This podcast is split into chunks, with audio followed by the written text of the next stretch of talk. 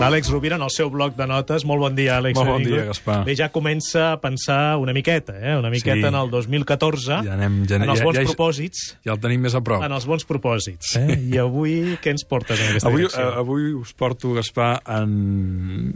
Vaig recuperar una lectura d'un llibre deliciós, molt, molt, molt, molt amable, molt dolç, que es diu El llibre de les possibilitats. És, és en, en castellà, el llibre de les possibilitats. L'autor és Albert Lieberman i està publicat per Urano.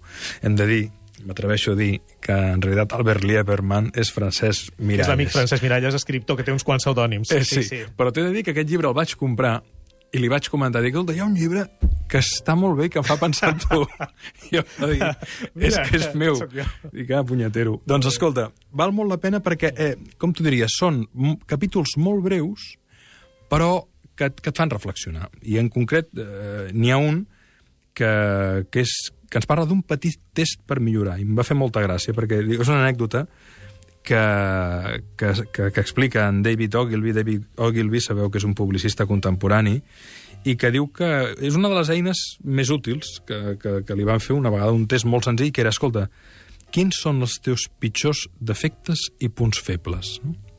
I Ogilvy, en aquest cas, llegiré algunes de les respostes, deia, doncs no aguanto la mediocritat, o perdo massa temps ocupant-me de coses que no tenen importància, o, com tothom de la meva edat, parlo massa del passat, um, em, de, em dóna por volar, no tinc ni idea de portar una comptabilitat econòmica sana o en les discussions sempre veig massa punts de vista.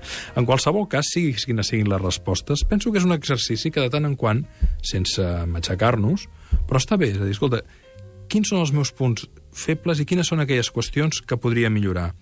Um, penso que aquest auto, autotest, amb sinceritat, ens pot, eh, per lo inusual i per lo poc habitual que té l'exercici, és com allò de mirar-se les pedretes que tenim a la sabata, no? Que de vegades anem caminant i se'ns fiquen a dins de la sabata, les encaixem entre dit i dit, ens van fent malbé el mitjó, no ens n'adonem, i de tant en quant val la pena aturar-se, treure's la sabata i mirar quines són les pedretes que ens han entrat. En qualsevol cas, us recomano vivament la lectura del llibre de les possibilitats de l'amic Albert Lieberman, alias Francesc Miralles.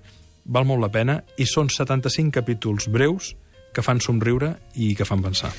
I nosaltres recomanem que els oients que vulguin més Àlex Rovira puguin, es poden descarregar, poden fer podcast de seccions anteriors de dels blocs de notes d'anys anteriors, de temporades anteriors, que són molt actuals, són presentíssims i, i els podeu trobar a catradio.cat i també podeu anar al web de l'Àlex, alexrovira.com. Moltes gràcies, Moltes Àlex. gràcies. Una abraçada. a Fins tots. diumenge. Fins diumenge.